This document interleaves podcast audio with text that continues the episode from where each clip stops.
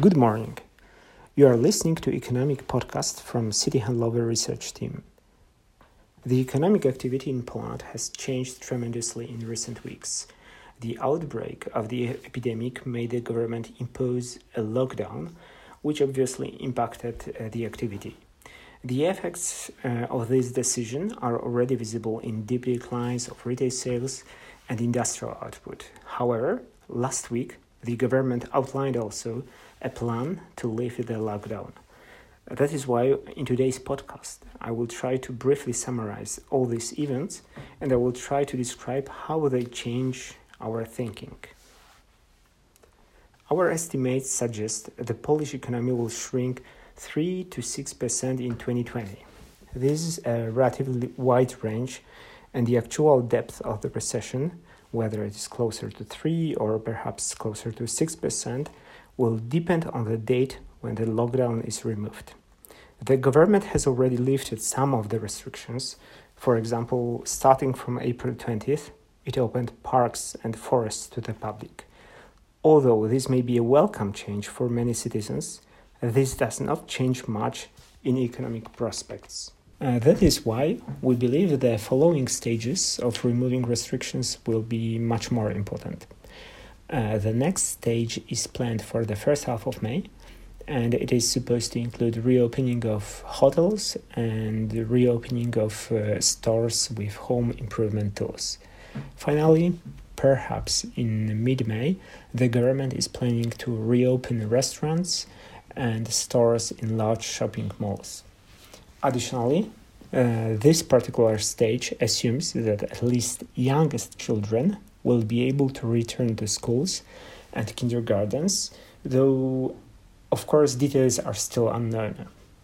For obvious reasons, the pace at which the economy will be open again will depend on will depend on uh, various factors, but one of the most important is the trend in new infections of COVID in Poland. Uh, risks are here asymmetric. It is very unlikely that the situation could improve so much to justify much faster reopening of the economy. However, uh, there are risks that the whole process may be postponed or delayed. This explains our growth projections. Assuming that uh, most important restrictions could be removed in early May, the economy would shrink by around 3% in 2020 if in turn restrictions stay in place until uh, the end of that month, uh, the contraction could be closer to 6%. The economy can benefit from aggressive fiscal and monetary policy programs announced in recent weeks. On the fiscal front, the whole package is estimated at around 11% of GDP, out of which approximately 7% is in the form of measures that should support liquidity of firms, either via subventions or lending or guarantees. Uh, this is a large program, though it is also smaller than in some other Central European economies. Uh, when it comes to the central bank's measures, uh, the central bank already cut rates by total 100 basis points uh, in March and April uh, and it brought the reference rate to the record low of 0.5%. Uh, More importantly, the central bank also started an asset purchase program, the size of which exceeded market expectations.